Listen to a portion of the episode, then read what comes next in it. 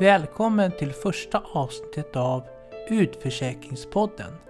En podd där personer som utförsäkrats får berätta sin historia för att informera om problematiken med de nya reglerna i sjukförsäkringen.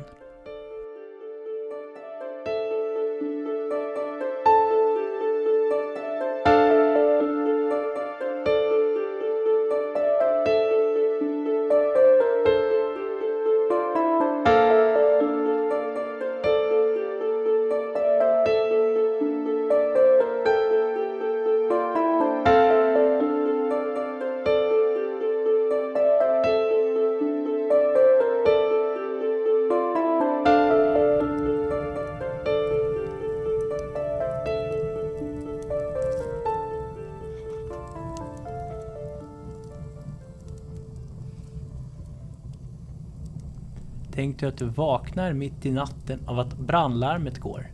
Det är fullt av rök i rummet och du ser ingenting. Det är alldeles mörkt. Du väcker dina barn och skriker att det brinner i huset. Och du hostar av röklukten. Du flyr ut ur huset, ut i 15 minusgrader en decembernatt. Hela huset står i lågor. Ni har plötsligt ingenstans att bo. Det enda ni har är era pyjamas håller på att frysa ihjäl. Allt det ni har är borta. Har elden och låken slagit upp. En granne ringer brandkåren.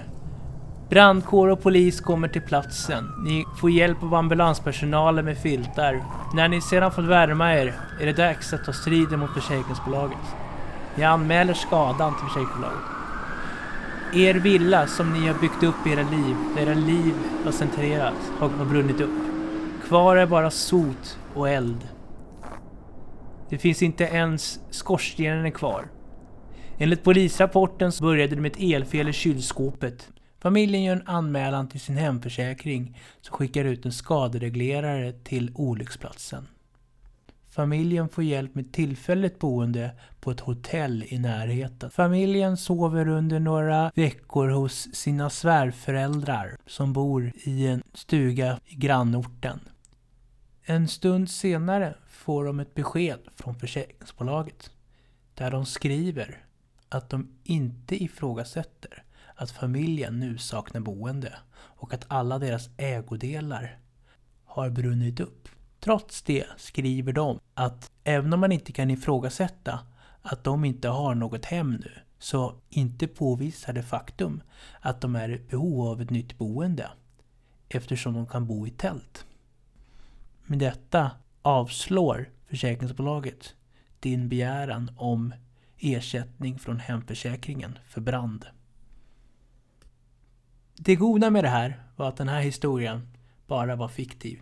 Min erfarenhet är att de riktiga försäkringsbolagen som Folksam och Trygg-Hansa är väldigt bra. De betalar ut ersättning när man har rätt till det. Men värre är det med den statliga ersättningen som vi betalar väldigt höga premier till varje år. Försäkringskassan.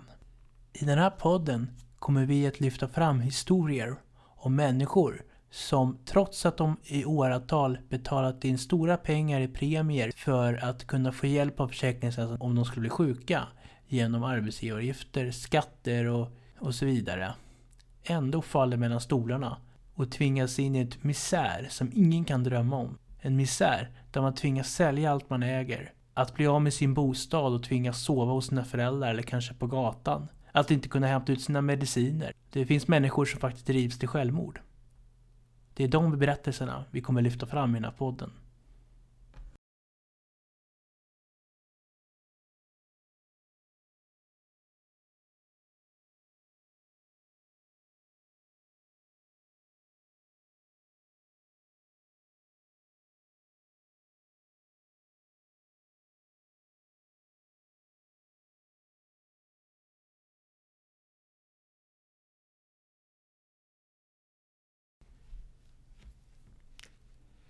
De senaste åren har politikerna, när de diskuterat ersättningarna från Försäkringskassan, ofta använt benämningar som bidrag.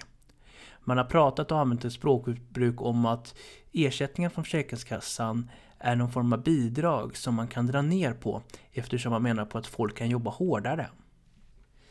Särskilt politiker på högerkanterna menar på att folk är sjuka för mycket och att folk bara är lata och låtsassjuka. Att man kan bli frisk inom vissa tidsgränser.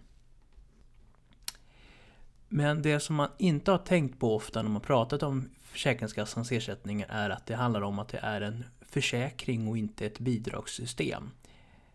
Både i lag och förordning står det att eh, så pratar man just begreppet försäkring och att det handlar om att man tar in premier i form av arbetsgivaravgifter och sjukförsäkringsavgifter. Det innebär att de premier vi betalar in ska kunna falla ut när man väl behöver dem. Precis som man betalar in premier till en hemförsäkring för att kunna få ersättning när huset har brunnit ner. I förra exemplet så gjorde jag en fiktiv berättelse där Försäkringskassan hade försäkrat ditt hus och att de använde samma sätt att avslå begäran om ersättning när huset brummer ner som när man försöker söka sjukersättning för till exempel en ryggskada. Där man prövas mot alla arbetsmarknaden. Här tänkte jag mig formen då att försäkringsbolaget då, i det här fallet då Försäkringskassan, tänkte då att man jämförde mot alla typer av boenden, även när man kunde sova utomhus i tält. Och avstod därför begäran om att få begäran om ersättning för ett nytt hem. Ett sån typ av förfarande bland försäkringsbolag skulle inte godtas i hemförsäkringen. Men det är precis vad som händer alltså i, i den så kallade allmänna sjukförsäkringen. Där man alltså har använt sjukförsäkring som ett sätt att spara ner på. Man har sett sjuka som en form av kostnad och att det går bara att jobba hårdare, ryck upp dig. Eh, sjukdom är någonting som man bara låtsas om. Man har ju hört under de senaste åren också om assistansersättningen, hur den dragits in, hur människor som har haft assistans plötsligt blir, får den indragen. Eh, de tvingas söka ekonomiskt bistånd för att kunna bo hemma. Eh, vilket också gör att kommunerna får ta mer pengar. En stort problem som det här kommer medföra med att eh, människor blir utförsäkrade och alla de här eh, stories som kommer i mitt flöde på Facebook om eh, utförsäkring gör ju också att tilltron till Försäkringskassan eh, minskar. Eh, och det kan leda till att kanske människor, eftersom de tänker att de ändå inte får någon ersättning, att de struntar i att anmäla sjukdom och ändå går till jobbet när de är sjuka. Det får flera förödande konsekvenser för samhället eftersom människor som arbetar när de är sjuka också blir en fara för arbetsplatsen. Det ökar risken för att man till exempel gör olyckor eller gör fel i arbetet, vilket också får stora samhällskostnader. Sen förvänger också statistiken om människor inte heller anmäler sin sjukdom för att de inte heller får några pengar. Vilket också gör att det försvårar forskning kring olika sjukdomar. Särskilt när det gäller dessa sjukdomar som depression, ryggskador och eh, andra sjukdomar som ofta är relaterade till arbetssituationen. Som ofta blivit sämre av att det har blivit högre press på arbetsplatserna där man har dragit ner och blivit eh, mer så att säga, hårdare i sitt arbete och slimmad organisation. Där färre måste göra mer jobb på färre personal och eh, till lägre löner då för att man då pressar. Och eh, det innebär ju då att man dels då arbetsmarknaden blir hårdare och att det blir mer otryggare. Och det gör också att det blir mer stress och depression samtidigt som Försäkringskassan då blir hårdare och tycker att man kan jobba mer. Jag måste samtidigt säga också att när man pratar just om det här att till exempel då ansökningen om aktivitetsersättning på Försäkringskassan att det också handlar om att eh, det finns en tanke kring det här när man då söker, som jag gjorde, sökte aktivitetsersättning hos Försäkringskassan. Att man anser att ditt eh, arbetsmåga prövas mot hela arbetsmarknaden. Det finns ju en god tanke, tänker jag ändå med det, och det är ju att man, att leva på bidrag är ju det sista man vill göra också, för att alla vill ju bidra. Jag tror inte någon egentligen som bara vill leva på bidrag eh, som är lat egentligen. Inte av de vanliga människor i alla fall. Och då är det så att när man då eh, utreder aktivitetsersättning och sånt där så tittar man på alla former av jobb, även inom andra branscher och så. Och då motiverar man ofta avslagen med att, eh, som jag läste i olika forum, att eh, Eh, även om man inte kan ifrågasätta att det finns huvudvärk och, och, och svårigheter att eh, tala eller tänka eller så, hantera stress och sånt, som man ofta anger som punkter för sjukskrivningen då, så, så menar de ofta då att, att om man arm, om det, att det finns jobb, att man måste söka jobb då där man inte behöver den typen av kognitiv belastning. Eh, och där är det så att, att Försäkringskassan då hänvisar till att man då kan jobba på olika arbeten där man inte behöver samma form av belastning. Och det är en fin tanke i och för sig, att staten är att det ska finnas jobb där man kan jobba med lön utan att behöva ta dem, använda de förmågorna man har svårt med.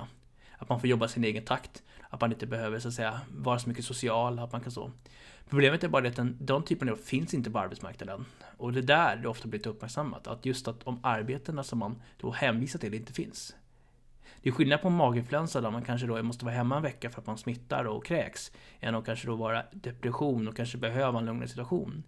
Och jag förstår också tanken kring att man vill kanske titta på, försöka lasta mer av ansvaret för de sjuka på arbetsmarknaden än att sjukskriva de här personerna. Därför att vi har en väldigt stor ökning av depression och just stress då. Och man anser ju att om alla då ska sjukskrivas och vara hemma så blir det väldigt stor kostnad för samhället. Men frågan är då också vad arbetsmarknaden säger. Därför att på arbetsmarknaden blir det samtidigt tuffare, mer neddragningar, eh, mera ansvar som krävs för varje person. Och ofta så är det så idag att eh, det krävs mer social kompetens. När allt mer automatiseras i samhället så behöver man också vara mer social i sitt arbete. Att eh, mycket av värden som läggs, mycket av det som man efterfrågar hos de anställda idag är ju social kompetens, att kunna värva kunder, marknadsföra sig på sociala medier, att hantera stress, kunna eh, sköta en del ekonomi och sånt. Och det gör ju också att, att den här typen av jobb där man liksom mer kunde vara ensam, paradoxalt eh, försvinner. Det finns inte den typen av liksom jobb alltså. Och då är det också så att de personer som då har svårigheter med sociala eh, samspel, att hantera stress, då får ju allt svårare i och med att arbetsmarknaden går ju precis tvärt emot de förmågor som man själv har svårt med. Eh, jag kan också säga det att arbets, den här försäkringen utformades ju från en tid när människor var utbytbara på industrierna. Eh, om vi tänker oss kanske 30-40 år bakåt i tiden så byggde ju mycket av försäkringen på att man jobbade på en industri. Där man liksom jobbade med sin sak. Man, man var, allt antal timmar var ju nedskrivet. Man hade en anställning, fast lön. Man stod vid rullande bandet och var utbytbar. När det var neddragningar så fick den som kom dit sist, som stod sist vid bandet, fick gå då. Och då var det också enkelt mera kanske att, så att säga, bedöma arbetsmågan eftersom man stod mera vid ett band och liksom gjorde samma sak. Va? Man hade räknat antal timmar per år och sådär. I dagens arbetsmarknad så finns ju inte de här samma typ av industrijobben mera på det sättet att man liksom gör sin sak liksom ensamt och liksom monotont utan nu är det ju mer att du ska vara egen företagare, du ska vara en entreprenör. Även om det finns jobb där man jobbar själv så ska det ofta vara i team där du så att säga ska jobba kanske och dela på uppgifterna som marknadsföring, eh, kommunikation och sånt där. Därför att just de här typerna av så att säga, produktionsjobb har försvunnit. Nu, nu är det mer så att säga yrken där man jobbar mer så att säga med service. Och det hänger också ihop med robotiseringen, att vi blir så att säga mera och då är också arbetsmarknaden förändrad så att man jobbar mycket mer på projekt. Att istället för att man anställer någon på ett år eller eh, tills vidare så är det mer att man anställer på ett projekt. Att den, ofta är det så i de här så kallade informationsyrken att som webbdesigner, programmerare eller så att man då eh, har egen firma. De vill att man ska ha egen firma och sen jobba och rycka in då och fakturera timmar. Och då finns det heller, och då har man också börjat med såna här, vad heter det, Eh, företag som då jobbar med just att man kan så att säga, anlita för att fakturera, så kallade fakturering, egenanställningssajter. De här sajterna har ett bolag som du fakturerar via och sen får du pengarna skattade där. Och då hamnar du i ett ingenmansland när det gäller just skatter och sånt i och med att du ses som anställd men bara timanställd. Men du själv får ansvara för att få in kunder, marknadsföra dig och sånt. Och då är det ofta det att man får en ojämn inkomst. Sen är det också det att, och det här är något som har spridit sig också, inte bara inom informationsyrken som designer, musikskapare, eh, programmerare och sånt, utan även ja, gått ner även till städare. Att många städbolag och sånt där nu då säger upp sin personal och sen vill de att man ska fakturera själv. För att då slipper de här arbetsgivarna också då Eh, betala eh, sociala avgifter och, och, försäkringar och sånt där. Och, och det är jobb där man inte kan riktigt bedöma hur många timmar man jobbar. Man kanske jobbar som sjuksköterska på timanställning och blir inringd av landstinget när det är dags för jobb. Du vet inte hur många timmar du jobbar per år. Ibland kanske du ska fakturera själv. Och då är det svårt för Försäkringskassan också att bedöma timmar och jobb och så här, som det kan ha många arbetsgivare också. Och i det så kommer ju så här också att jobbet är mer så att säga, abstrakt. Arbetsuppgiften är svårare att beskriva. Och att själva symptomen är med sagt. Att en stressig arbetssituation, du jobbar länge i, ar i arbetet, eh, det är otrygghet, du vet inte hur mycket du får lön, du vet inte om du klarar månader, du måste, du måste gå upp mitt i natten och ringa och säga att du ska köra, ha en körning till Arlanda, liksom med patient eller någonting då. Du måste ta allting som du får. Och då blir det också att Försäkringskassan inte vet hur många timmar du orkar jobba eftersom det är väldigt olika varje månad. Och de här faktorerna gör ju då att det blir också svårare för sjukförsäkringen att bedöma vilken typ av arbetshinder man har och vilken så att säga, skada försäkringsmässigt som ska ersättas. För om man tittar på det här fallet med husbranden jag pratade om tidigare så är det ju det att där är det ju mer att vi pratar mer konkret. Ett hus har brunnit ner och det är ganska konkret, du har ingenstans att bo. Och där är det ganska konkret att att har huset brunnit ner, då är det ingen fråga om att du inte kan bo. För du har ingenting att bo. Du har ingenstans att bo. Alltså måste vi ersätta dig med, med eh, pengar så att du kan få en ny lägenhet eller vad det nu är. Men just det här att liksom, för där, där skulle det liksom aldrig gå att säga då till en som har bott att ja men ni kan sova i tält nu för att eh, om ni kan sova i tält, ja då har ni ett boende, då behöver ni inte ni en ny ersättning även om huset brinner ner va. Det skulle inte gå i ett sånt försäkringsbolag i och med att där är det ju ganska konkret. Men idag är det ju så att just när man ska handlägga en sjukförsäkring kanske då med kroniska smärtor, depressioner och huvudvärk och sånt så är det ju det att det är svårt just för de här fynden. Därför att de här fynden är ju ingenting du kan så att säga påvisa på samma sätt. Man kan ta blodprover och sånt men du kan inte se de här fynden liksom eh, du kan inte bevisa att det här är på riktigt. Det är det som är problemet. Därför att man anser ju, för jag menar, jag skulle kunna säga att jag har ont i huvudet och, och få intyg på det här och sen liksom kunna få aktivitetsersättning. Och det är därför man liksom har blivit mer hårdare liksom med att man inte liksom bara går på kliniska fynd utan man även, som jag tror, jag tror att det har blivit hårdare på grund av att just det här med kliniska fynd, att man det är helt enkelt att man vet inte, man kan inte liksom bevisa detta. Och det är där som problemet är då att, att i och med att det är så svårt, i och med att det har blivit mer, både att symptomen blir mer så att säga mentala, abstrakta och väldigt stora kombinationer. Samtidigt som du så att säga då har ett arbetsmarknad där du också har en väldigt abstrakt arbetssituation. Där du liksom så att säga inte har någon fast lön, du inte har någon så att säga då blir det också svårare för Försäkringskassan att bedöma vilken arbetsförmåga man har. Eftersom det är en väldigt komplicerad ekvation just med parametrar, både inkomst och arbetsmåga och antal timmar och sånt. Så att problematiken med utförsäkringarna är ju inte bara att det har blivit hårdare med politiken, utan det är ju väldigt många faktorer som spelar in.